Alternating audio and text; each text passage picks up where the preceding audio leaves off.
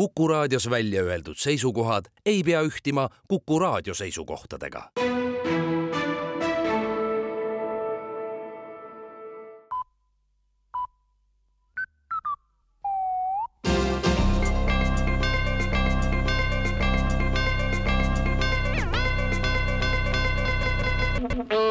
uudised on eetris ja stuudios Rohke Debelak valitsuse eilsel nõupidamisel jäi kõlama lõplik seisukoht, et õpetajate palgatõusuks tuleb leida raha haridusministeeriumi seest. seega algab esmaspäeval õpetajate streik. suurem osa õpetajatest ei istu kodus, vaid aitab haridusministrit. sajad õpetajad on palutud otsingutele, kammima läbi haridusministeeriumi hoonet ja leida üles õpetajate palgaraha. Vaatamata arvukatele järelpärimistele pole praegu teada, kuhu kohta täpselt peaminister õpetajate palgaraha peitnud on. õpetajad on aga nutikad ja leidlikud ja kindlasti oskavad oma raha üles leida, vihjed on olemas, see on ministeeriumis sees, mitte väljaspool ja midagi võimatut ei peaks olema, sõnab peaminister. hoonekaardid ja metallidetektorid on koolidele juba ka saadetud ja veel haridusest. valitsus annab teada, et üleminek eestikeelsele õppele sujub tõrgeteta. kõik eelnevad valitsused on oma panuse andnud, et üleminek eestikeelsele õppele kestaks ja kestaks ja praeguseks on ühiste pingutuste tulemusena see üleminek kestnud juba enam kui kolmkümmend aastat.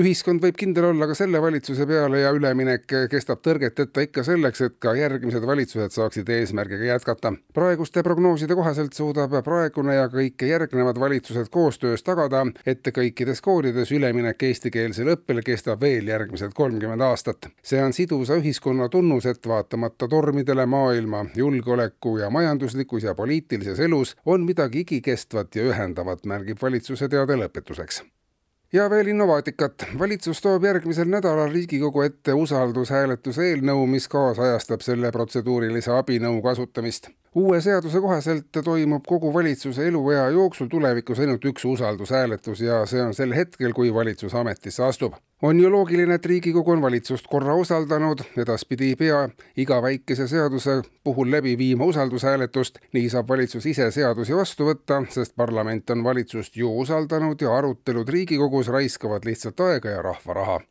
ning Riigikogu võtab järgmisel nädalal vastu asendusliikme seaduse, mis annab Riigikogu liikmele võimaluse palgata riigi kulul endale asendusliikme, kes hakkab täitma neid kohustusi, mida rahvasaadik ise kas ei taha teha või ei saa mingil muul põhjusel teha asendusliikmeid on väga vaja ka ööistungite ajaks, kui saadikud peavad pikki ja sisukaid kõnesid, kuid saalis ei ole neid kuulamas sageli mitte kedagi. sellise nukra olukorra vältimiseks saabki asendusliikmeid edukalt kasutada. samuti on palju selliseid hääletusi, mis lähevad rahvasaadiku isikliku südametunnistusega teravasse vastuollu, aga on samas fraktsiooni seisukohast olulised. seal tuleb taas appi asendusliige, kes saadiku piinlikest momentidest päästab ja uudiste lõpetuseks ka politseiteade.